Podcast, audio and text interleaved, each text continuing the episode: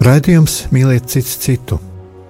Jāņa evanģēlijā varam lasīt Jēzus teiktos vārdus: Jaunu bausli es jums dodu, lai jūs viens otru mīlētu. Kā es jūs mīlēju, tā arī jūs cits citu mīliet. No tā visi pazīs, ka jūs esat mani mācekļi, ja jums būs mīlestība savā starpā. Mīlestība nav atdalāma no patiesības. Ceļš uz mūsu brīvību, uz mīlestības pieredzi mūsu dzīvē ved caur patiesību Dievam nav nērtu tematu.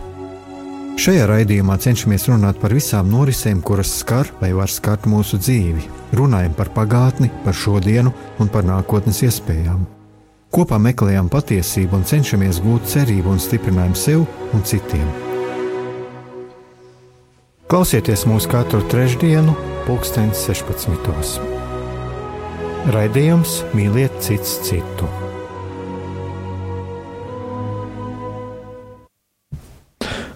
Lai to slavēts Jēzus Kristus, darbie radio klausītāji, šis ir raidījums Mīliet citu, un um, šajā raidījumā es arī šī raidījuma sākumā vēlos novēlēt visiem laimīgu un tiešām svētību un prieku piepildītu jauno gadu, un šis raidījums šodien ir veltīts ļoti svarīgam tematam, un šis temats ir ģimene.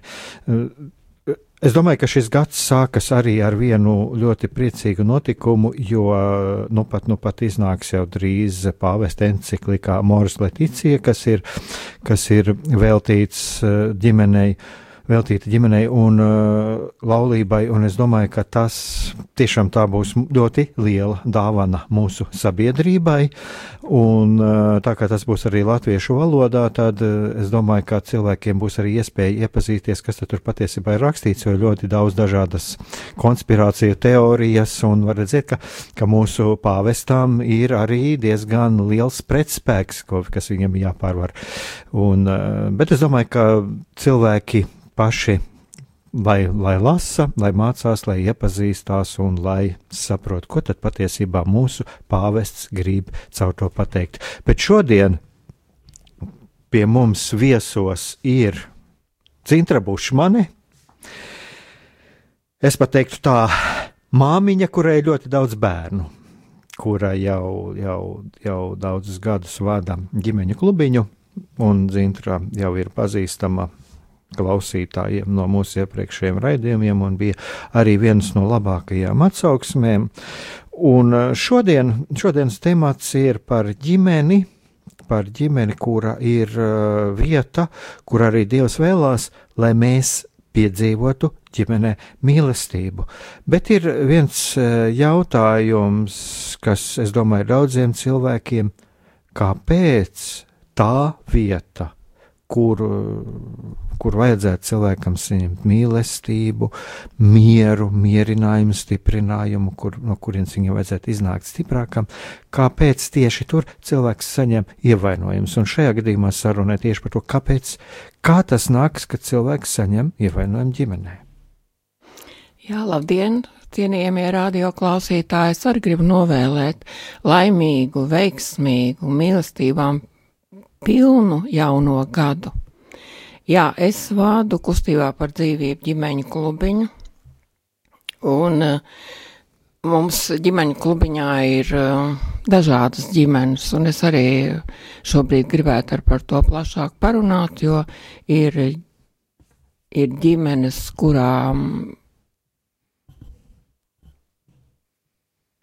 ir ģimenes, eh, kurās eh, māmiņas vienas pašas audzina bērnus, ir ģimenes, kur ir abi vecāki, un uh, ir ģimenes arī bijušas mums tādas, kur tēcis viens pats audzina bērnu. Run, atbildot uz tavu jautājumu, kāpēc mēs saņemam ievainojumus tieši ģimenē, nu, Es uh, varētu teikt tā, kam tad tu teiksi savu sāpi, nepatiku pret dzīvi, pret sevi, ja ne saviem tuvākajiem. Un lūk, šeit ir tas moments, kad mēs tajā mirklī meklējam vainīgo, ja mēs slikti jūtamies, mums vienmēr liekas, ka kāds ir vainīgs mūsu sajūtās, ka mēs uh, neesam piepildīti. ar šo pašu mīlestību, ka mūs nesaprot, ka mūs neatbalsta, un tādēļ ļoti bieži ģimenēs ir arī tā nesapratne un mēģināšana viens otram kaut kādā veidā radīt ievainojums.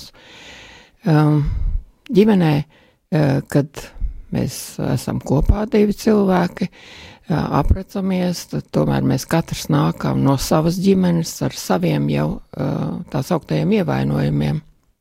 No savas ģimenes, jo katram arī ģimene bijusi tāda, kā viņa bijusi. Arī daži um, tēvi ir auguši tikai ar māmu, um, dažas mammas tikai atkal ir bijušas kopā ar vecmāmiņu, un, un dažādi tie modeļi ir.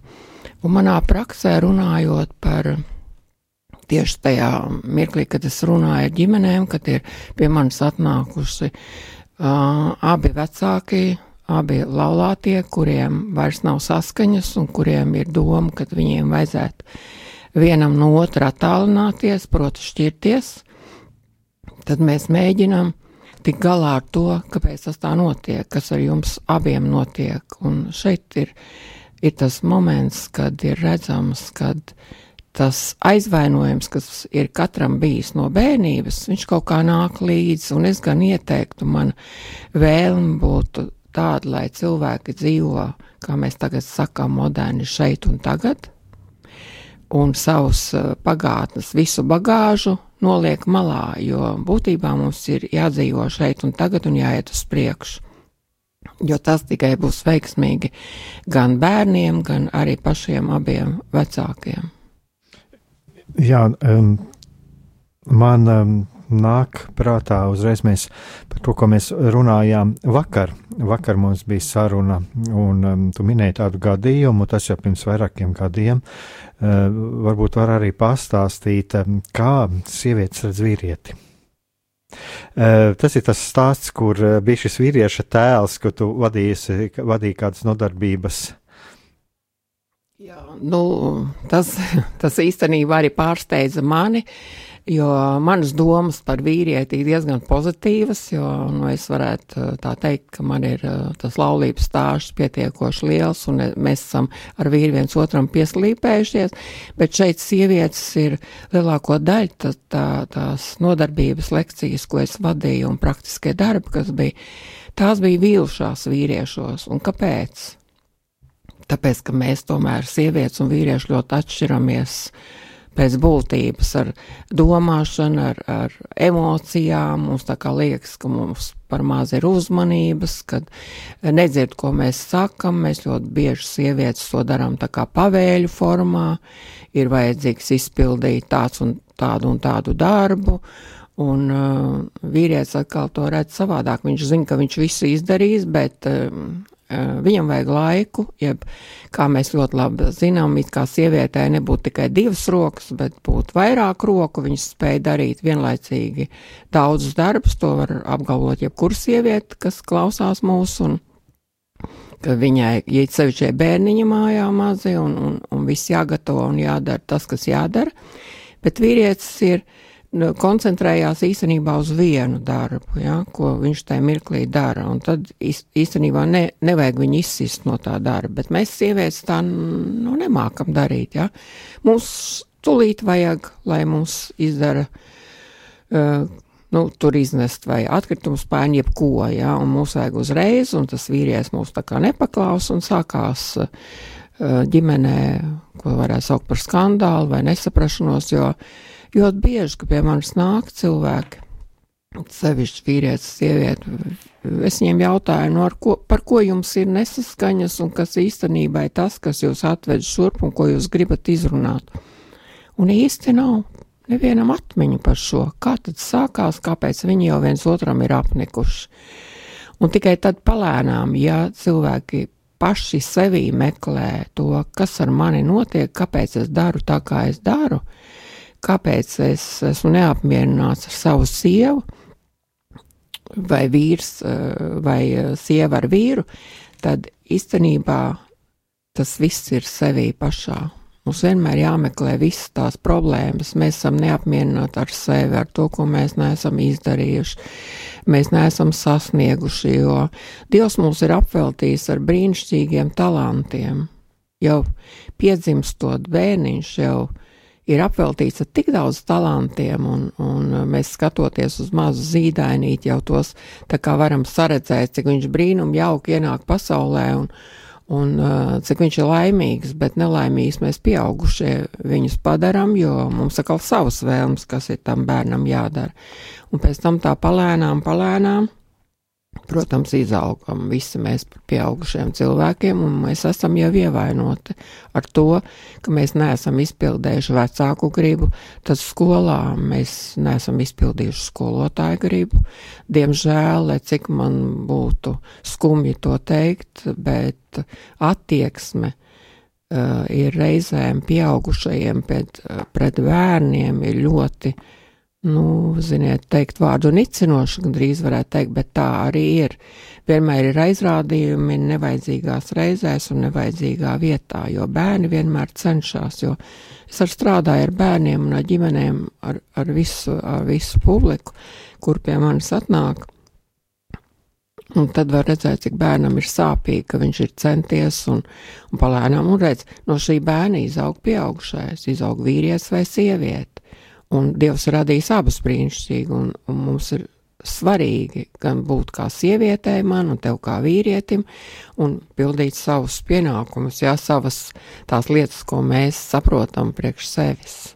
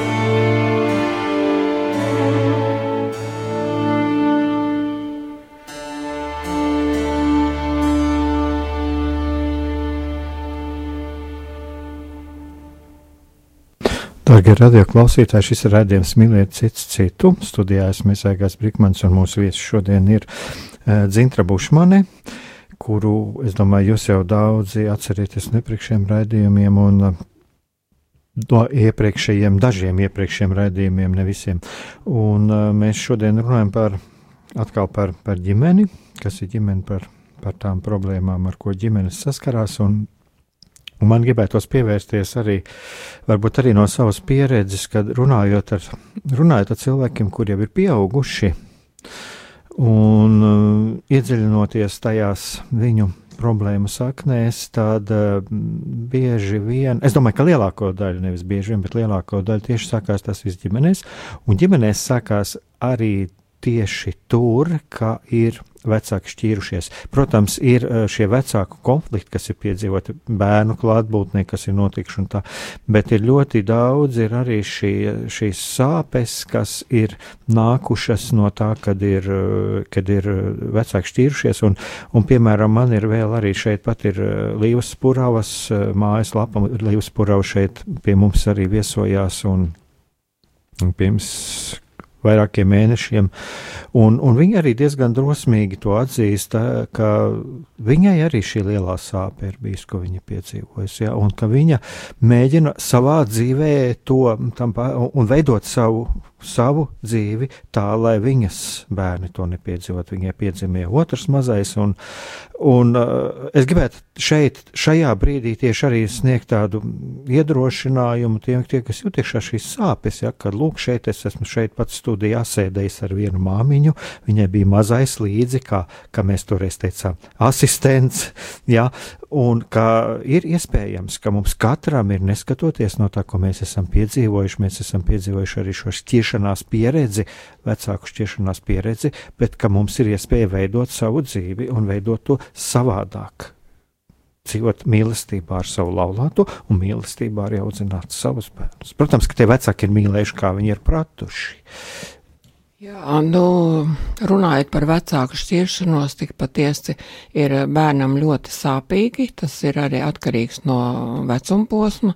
Ja bērnam tikai vēl ir, sev, nu, ja viņš ir pavisai mazāks, tad viņš īsti nesaprot šo momentu, bet ja bērnam ir jau septiņi, astoņi gadi, tad viņš ļoti pārdzīvo. Jo katrs bērns grib, lai vecāki būtu kopā, lai viņam būtu abi vecāki.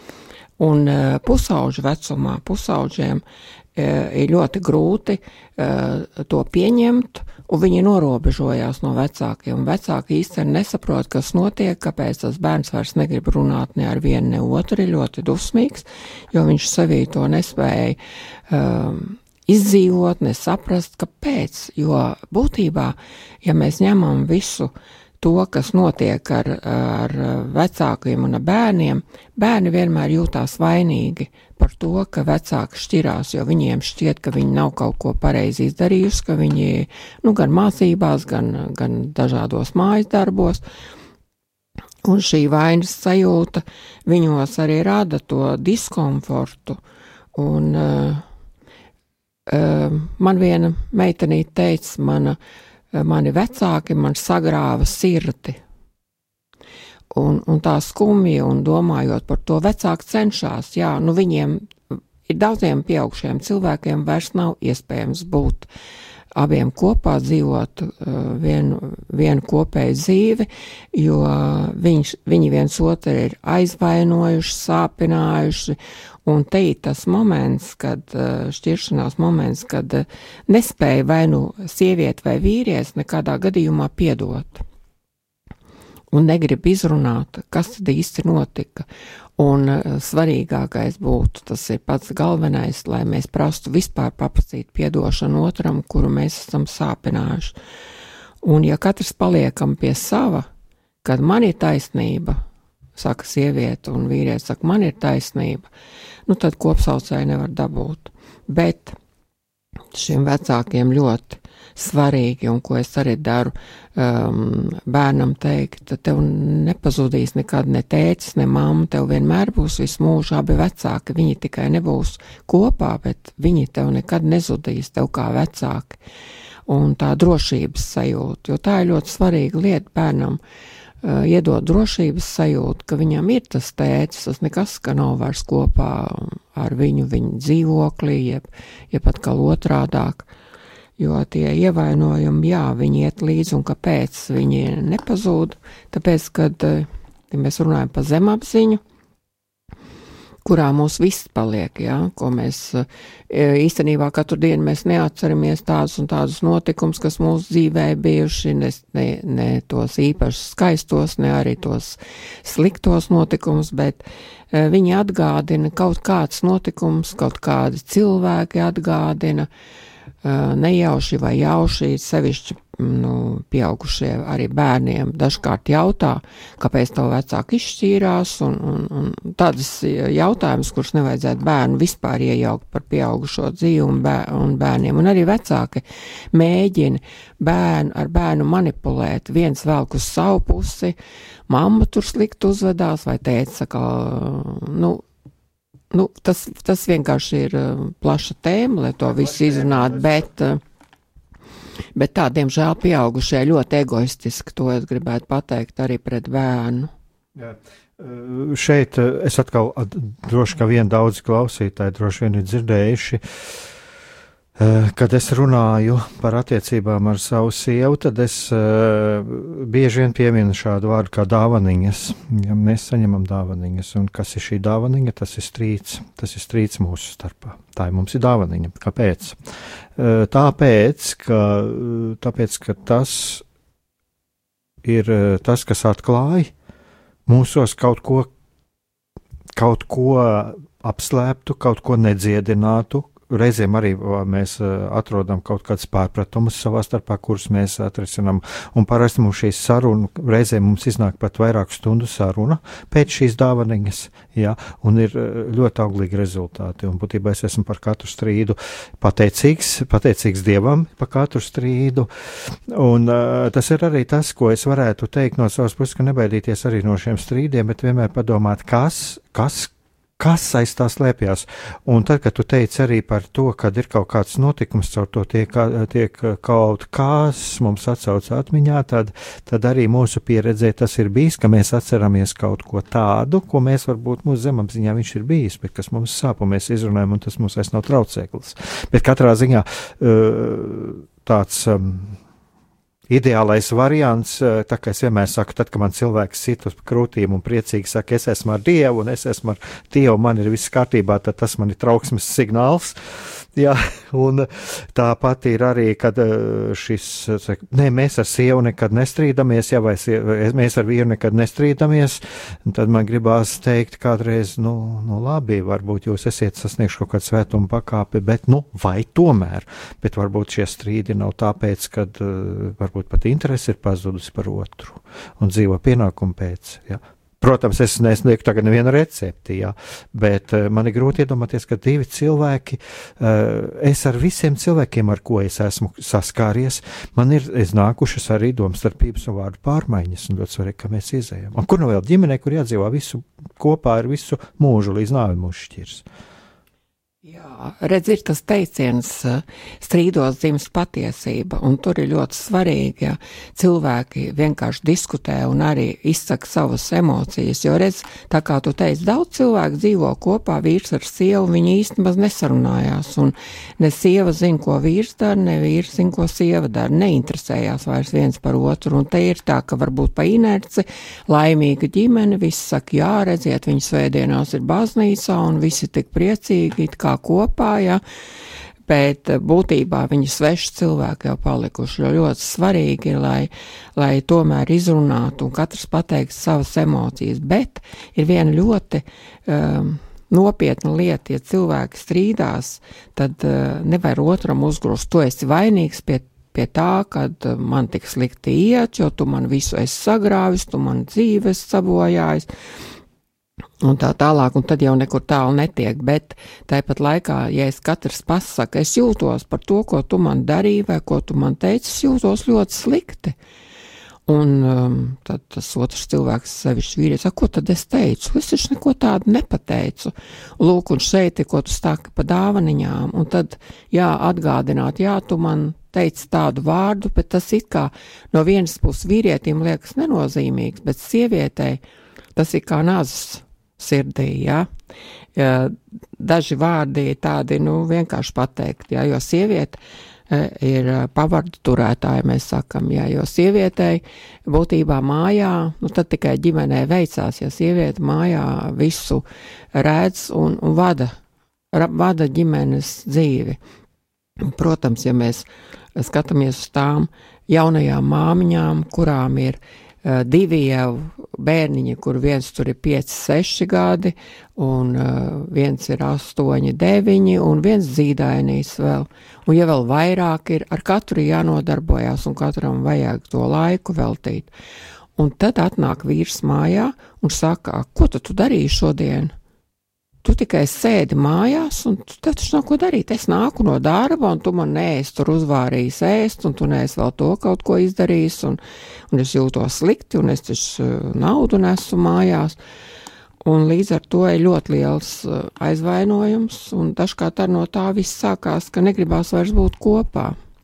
Bet tas ir empātijas trūkums, jo uh, iejūtība Jo tā, tas ir viena no būtiskākajām lietām, kas ir vajadzīgas šajās attiecībās. Bet redzi, tad mēs runājam par to, kā tad ir audzis tas vīrietis savā ģimenē, kā, kā viņam kā bērnam bijis pienākumi, kāda viņam ģimenes dzīves stils bijis, kā viņu ir komandējuši viņa vecāki.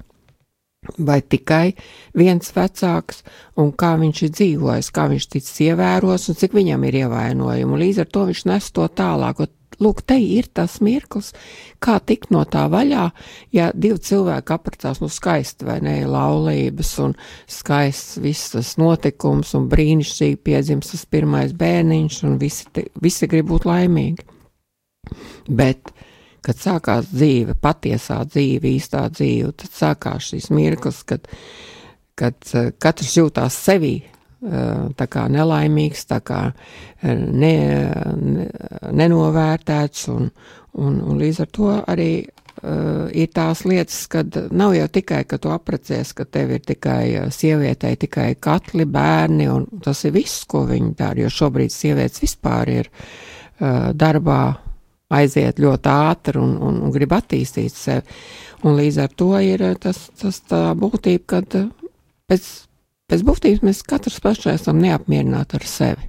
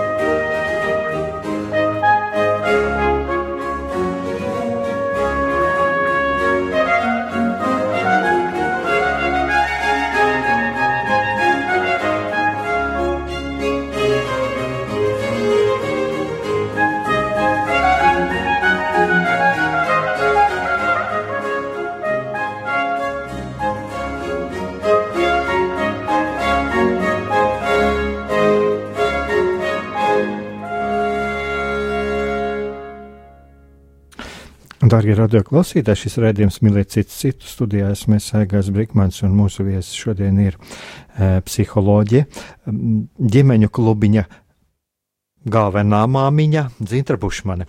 Un mēs runājām, mēs runājām par, par ģimeni, par, par to, kas kas mūsu ģimenē ievaino. Un tikko pirms pārtraukuma mēs arī runājam par, par šo savstarpēju attieksmi, par, par vīra un sievas attiecībām. Un, un, jā, un, un mēs arī runājam tieši par to, cik ļoti svarīgi tomēr ir saprast otru, un ir svarīga šī, šī empātija, šī, šī spēja otrā ieklausīties un, un respektēt otru. Jo, nu, tomēr, jā, vīrs atnāk mājās, un nu, viņam tomēr ir arī, ir arī jāsaprot to, ka, jā, sievai tomēr daudz laika aizņem šī mājas uzturēšana, šī bērnu audzināšana, šī ēdiena gatavošana, un tas ir tāpat kā arī sievai ir jāsaprot arī, ka vīrs varbūt atnāc no darba noguris. Uh, Un, jā, bet, bet es šeit man tomēr arī paliek vienmēr arī šis centrālais, jaut, šis, šis, šī, šis centrālais jautājums par to, kā mēs uztveram šo, šo strīdu, šo konfliktu mūsu starpā. Šeit kaut kur stāvēja pirms kāda laika, es šeit radio redzēju Anselma Grīnu vienu grāmatu, un tur bija, ah, viņa šeit pat ir. Aha. Jā, un šajā, un Ansēns Grīns arī vienā, vienā grāmatā rakstīja par to, ka viena no lielākajām kristiešu problēmām ir tā, ka kristieši cenšas izvairīties no konfliktiem, bet konfliktiem mēs izvairīties nevaram. Konflikti ir jārisina. Un lūk, un tad lūk ir ļoti svarīgi, kā, kā mēs uh, uztveram arī šajā šajā brīdī, kad mēs neesam ar kaut ko apmierināti, kā mēs attiecamies pret šo otru cilvēku. Jā. Vai tas ir dāvaniņa, jā, vai tas kļūst mums par dāvaniņu, vai mēs to tā uztveram, jā, vai tas varbūt ir uh, kaut kāds rūkums, uh, kur mēs izgāžam uz otru, būtībā, kur otrs nemaz nav vainīgs. Jā, tieši tā arī ir. Jā, tu pieminēji Anselmu Krīnu. Un uh, es paņēmu šorīt, ieraudzīju savā grāmatplauktā, kad domāju, ka man jānāk ar, ar tevi uz radio arī. Uh, vienu no Anselma Grīma grāmatām, mans viņas viss ir, un es viņu ļoti cienu, un viņš ļoti daudz ir rakstījis un palīdzējis cilvēkiem, ja, kuri vēlas kaut ko uzzināt par sevi, un šeit ir tikai par sevi, un man ir rokā dzīves māksla, ja, grāmata. Un šeit pamatu pamatā šajā grāmatā Te jau man visa ģimene, man bērniem es esmu uzdāvinājis savām meitām, un viss katru reizi, kad atver, um, koncentrējies uz sevi, man atvērās tāds, ja, un tā ir doma, tad koncentrējies uz sevi, kāpēc tev nepatīk tas, ko tev saka tavs vīrs vai kāds cits cilvēks, kas tajā ir iekšā, kas tev traucē uh, to pieņemt ar skaidru prātu, vai tu jūties kaut kādā veidā vainīgs par to, ko tu esi izdarījis. Lūk, šeit ir tas jautājums, kad divi cilvēki, vīrs un sieva, protams, kā tu teici, nāk vīrs no darba, viņam arī bijušas savas problēmas un, un, un tajā dienā gan darbā, gan nogurums un viss kopā, un sieva atver durvis vaļā, un viņa nav tikus galā ar bērniem, un, un bērni raud, un māja nav sevišķi kārtībā, kā vajag, bet viens uz otru uzreiz tās dāvaniņas, tās jau nav dāvaniņas, bet viens uz otru tā kā uzreiz. Ko tad tu tā neko neesi izdarījusi, un sieva atkal vīram, tu atnāc mājā, tev jau visu vajag gatavu, bet tu mani nesaproti. Un šeit ir tā, svarīgā lieta, ka ļoti vajadzīgs cilvēkiem apsēsties un parunāties, izrunāt, pirmkārt, uzklausīt otru. Lūk, klausīties tā ir tās tā galvenā, ko mēs neprotam. Mēs neklausāmies otrā cilvēkā. To mēs tagad varam pamanīt mūsu laikmetā, it sevišķi. Tev kāds ko saka, vai tev ģimenē, tu jau ej uz priekšu nākošo domu, ko tu darīsi, un tad, a, ko tu man teici? Nu, un ja tagad tu esi savu sāpi pateikts, pateikusies kā sieviete vīram, viņš pēc kāda laika man pasaka, ko tu man teici? nu, tad saprot, kas notiek, ja tad ir plīkšķis liels, jā, un sajūtu līmenī. Un, un gribās jau viss aiziet projām. Bet vīrietim tas pats ir. Vīrietim jau arī ļoti tieši svarīgi tā, tieši, šo sāpju izteikt. Jā, Mums abiem, es jau teicu pašā sākumā, ļoti svarīgi, lai vīrietis varētu izrunāt un, un lai sieviete, bet tad, kad viens runā, tad otram vajadzētu klausīties, lūk, ko mums jāiemācās visai sabiedrībai, ne tikai ģimenē, tas jau ir sabiedrībā jāiemācās. Mēs neklausamies otrā cilvēkā, mēs runājam pa virsmu, kā saka, ja. Un vēl ir ļoti pamatā ir tā uzklausīšana otra cilvēka Un uh, mums ir emocijas, jā, emocijas mūsos ir iekšā, viss kāda emocija gama, viņas ir. Tur ir dusmas, un tur ir naids, un, un viss, ko mēs varam. Bet vienmēr ir jāiemācās pašam sev to pateikt. Uz pirmām emocijām uzreiz nereaģē. Ja tev kaut kas nepatīk, tad vispār padomā. Ja tev kaut kas nepatīk, tad tevī šī problēma ir. Tā nav tajā cilvēka, kas tev to saka. Un tad padomāt, kāpēc man tas nepatika, ko viņš man teica, vai viņa teica, jeb, jeb kādā veidā. Un vēl ir svarīgi ir uzticēšanās. Ja jau sākās šī lieta, kas mums tagad ir telefoni, sociālie tīkli, un man ir pieredze šobrīd arī, vīrietis visu laiku sēž sociālos tīklos, un viņam tur ir tie iepazīšanās portāli, nu dažādi ir, jā, dažādas iespējas un tā, un it kā nevainīgi, jā. Un sieva skatās, nu, viņš atnāca mājā, viņš visu laiku skatās savā tajā telefonā vai, vai planšetniekā, nu. Un viņa, ko tu tur dari, nu, pa pleci jau ierauga, jā, ko dara, nu, ierauga, kas tur notiek.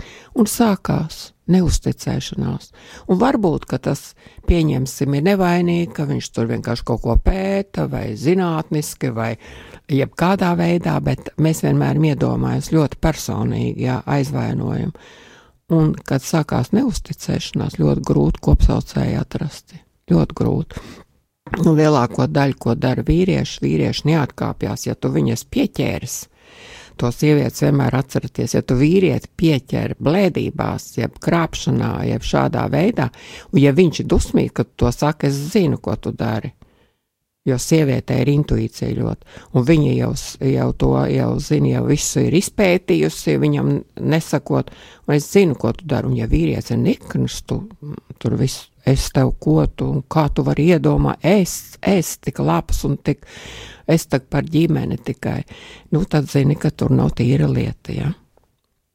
Ja vīrietis īstenībā saka, nu, tu pierādi man, vai pa, pasaki, kas tad, ko tad es daru, un tad var sākties tā diskutēšana, ja. Varbūt, ka tas tiešām ir tikai aizdomu, uz aizdomām.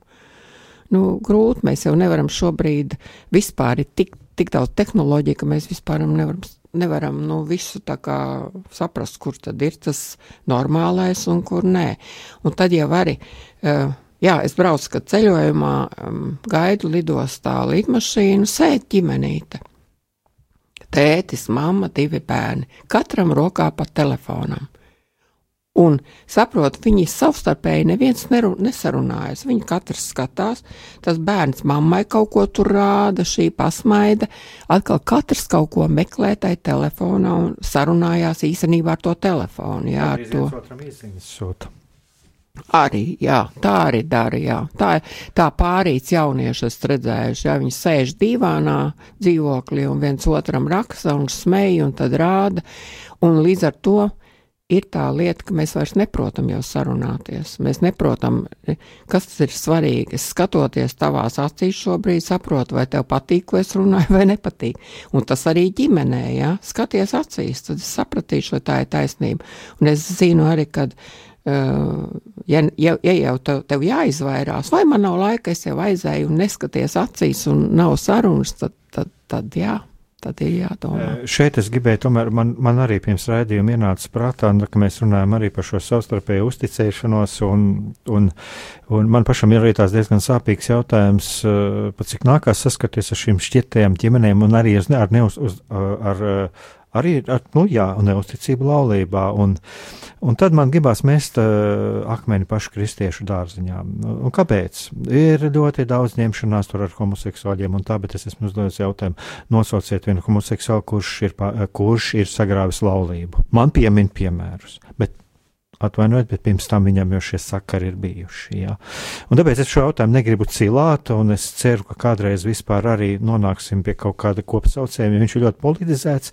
Bet eh, par ko es runāju, kurš šis apdraudējums ir laulībai, ģimenei, to mē, tas ir mūsu pašu dārziņā metams. Mēs paši esam vislielākais apdraudējums ģimenei, un, un tas, ko tu minēji, arī kur šis, šis vīrietis tur sāk ar kaut ko iepazīties, un, un, un viņš jau, jau kļūst jau agresīvs, jā, jo sieva viņu ir pieķērusi, ja tā tad nav šīs uzticības, jā, bet, um, bet tagad paskatīsimies, kas notiek mūsu pašu vidē. Uh, kas notiek sabiedrībā? Uh, bieži vien parādās internetā, es redzu, Facebookā kāds no tā sauktajām, sauktajām mm, slavenībām ir atradis jaunu sievu vīrs jau gados mazliet, ja, bet viņam tur ir jau jauna meitenīte, tur ir palikusi iepriekšēji ar, ar, ar bērniem un tā. Un ko dara mūsu, mūsu pašu kristieši? Es tagad es esmu piedzīvojis laimīgi, laimīgi, laimi jaunajai ģimenei. Vai cik foršs veids, redz, kā tagad ir ticis atkal, nu būs laimīgā ģimene. Man gribās teikt, atvainojiet, bet varbūt tā ir, eh, tā kā viens psihologs Krievijā to nosauca latentā prostitūcija, varbūt tā ir viņam vienkārši kā seksa rotēlieta. Eh, piedodiet, ka es runāju ļoti skarbi, bet eh, šāda pieredze tāda sabiedrībā ir. Un, eh, ja mēs eh, paskatāmies atpakaļ, kas tur ir noticis, tur ir, no, tur ir sagrauta laulība, tur ir būtībā šis cilvēks pats ir nelaimīgs, jo viņš nav nobriedis šādām attiecībām, kā ģimenes attiecībām, un līdz ar to tāpēc viņš ir šo savu sievu ar bērniem pametis. Tur ir bērni, kuri tālāk pieauguša vecumā vēl eh, raudās par to, kad ir lūgt, tēvs ir no ģimenes aizgājis. Ja. Bet ko dara sabiedrībā? Sabiedrībā par to priecājās. Un tad man ir vienmēr ļoti lielas dusmas, es atzīšos, ja tad, kad uh, bļauj par etpraidiem un, un satraucās par nezinu ko par šādām lietām, kāpēc nav nerunā par to, ka internetā parādās ziņa par atkal par tiem tā sauktajo, saukto sabiedrības krējumu. Tikai lūdzu iedomājieties, man ir lielas pēdiņas par šo krējumu runājot. Kāpēc par to nesatraucās, ka kā labu lietu to būtībā popularizē? Ja? To popularizē kā labu lietu, ka lūk, šis ir atkal jau katru gadu viņam ir jauna sieva. Tad lūk, kur šeit ir Kur šeit ir šī cīņa par ģimeni? Vai tad tomēr mums nav jāatgriežas pie tā, ka mēs paši atgriežamies pie savas laulības un paskatāmies, kas notiek mūsu laulībā? Jā, tu saproti, ir eh, tajos uh, žurnālos un, un, un uh, portālos ir dažādi, jā, to, ko tu saki, it kā tas ir skaisti un, un, un redz tik daudz bērni, jo mēs runājam par demogrāfiju, redz viņš jau precos kuro reizi un katrā ģimenē viņam tur ir no jaunās sievas atkal bērni un atkal bērni, un, un, un tad liekas, ka tas ir tik forši, bet īstenībā um, tas ir šausmīgi, arī ko, ko es arī lasu, un kas, bet uh, reizē man liekas, ka uh, svarīgi ir sabiedrība aizdomāties. Nevis aizvērt acis un teikt, tas ir labi, jo, jo gal galā tas sabiedrības krējums, un tad uh, to jāņem vērā, un to jāakceptē un jāpriecājas. Uh, Bet ne jau visi ļaudis par to priecājās, ne visiem liekas, ka tas ir normāli. Jo ļoti svarīgi ir, un tāpēc mēs runājam vispār par, par dzīves vērtībām un par dzīvi kā tādu.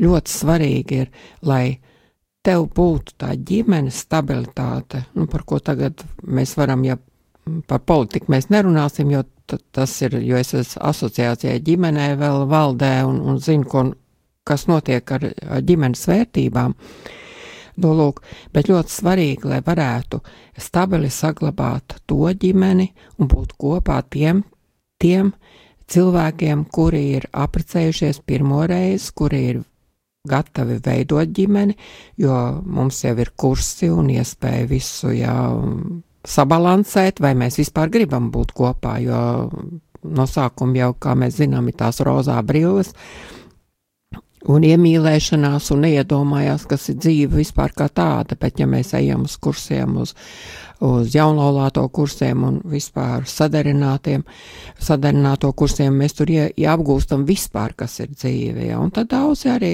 jau vairs uh, nelaulājas.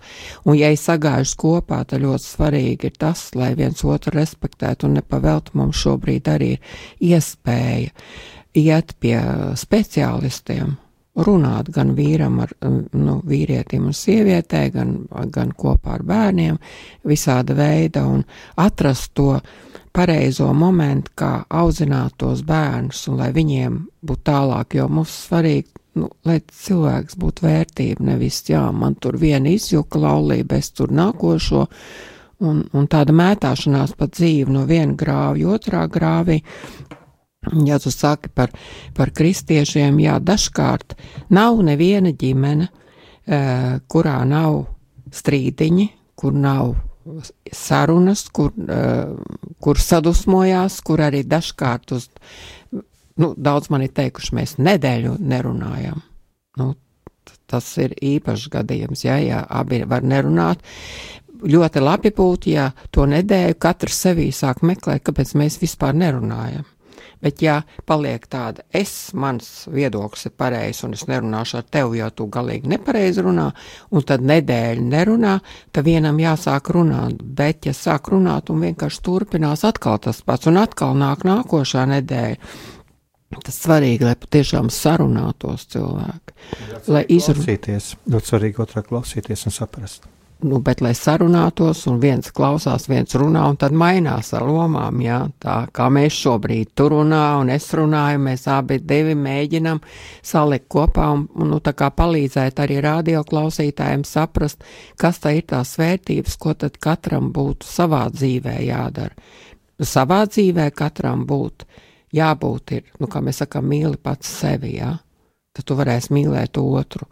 Bet katram jābūt skaidrībā par savām sajūtām.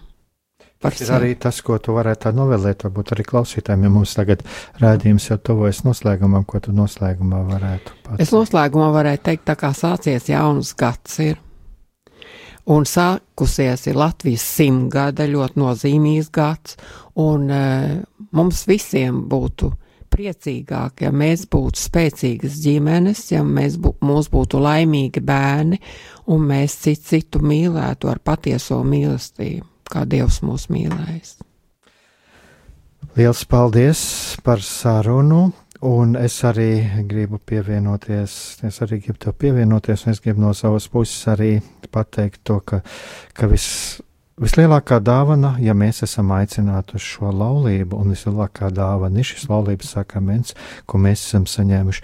Un es arī gribu pateikt radio klausītājiem, ka es arī esmu pateicīgs par savu laulību, par to laulības sakramentu, ko es esmu saņēmis. Es esmu pateicīgs par to, ka Dievs man ir devis ļoti brīnišķīgu sievu. Man ir princese, ko man Dievs ir devis un kuru ir uzticējis ar kuru kopā iet šo dzīves ceļu līdz nāvei mūs šķirs, un mēs zinām, ka mēs satiksimies un mūsim kopā uz mūžiem. Es tam ticu, un, uh, un ir arī vēl tas, ka es redzu arī mūsu šos augļus, šos brīnišķīgos augļus, un arī šos liecības augļus, ko mēs varam dot sabiedrībai. Tā kā, darbie radioklausītāji, un arī nepārprotiet mani tas, ko es šie mani asie vārdi nav veltīti tikai kristiešiem, tie ir veltīti visai sabiedrībai. Bet mēs, mēs esam kā sabiedrības sāls, un mēs ar savu attieksmi un savu rīcību varam arī sabiedrībā kaut ko mainīt. Un pirmā evaņģēlīja vēsts - tā ir mūsu dzīves liecība. Tātad liels paldies tev, Dzintra, un um, liels paldies! Visiem klausītājiem, kas mūs klausījās, lai jums ir Dieva svētība, un uz sadzirdēšanos nākamajā raidījumā. Raidījums mīlēt cits citu. Dievam nav nērtu tematu. Šajā raidījumā cenšamies runāt par visām norisēm, kuras skar vai var skart mūsu dzīvi. Runājam par pagātni, par šodienu un par nākotnes iespējām. Kopā meklējam patiesību un cenšamies gūt cerību un stiprinājumu sev un citiem. Klausieties mūsu katru trešdienu, pulksten 16. Raidījuma vadītājs Aigars Brikmanis.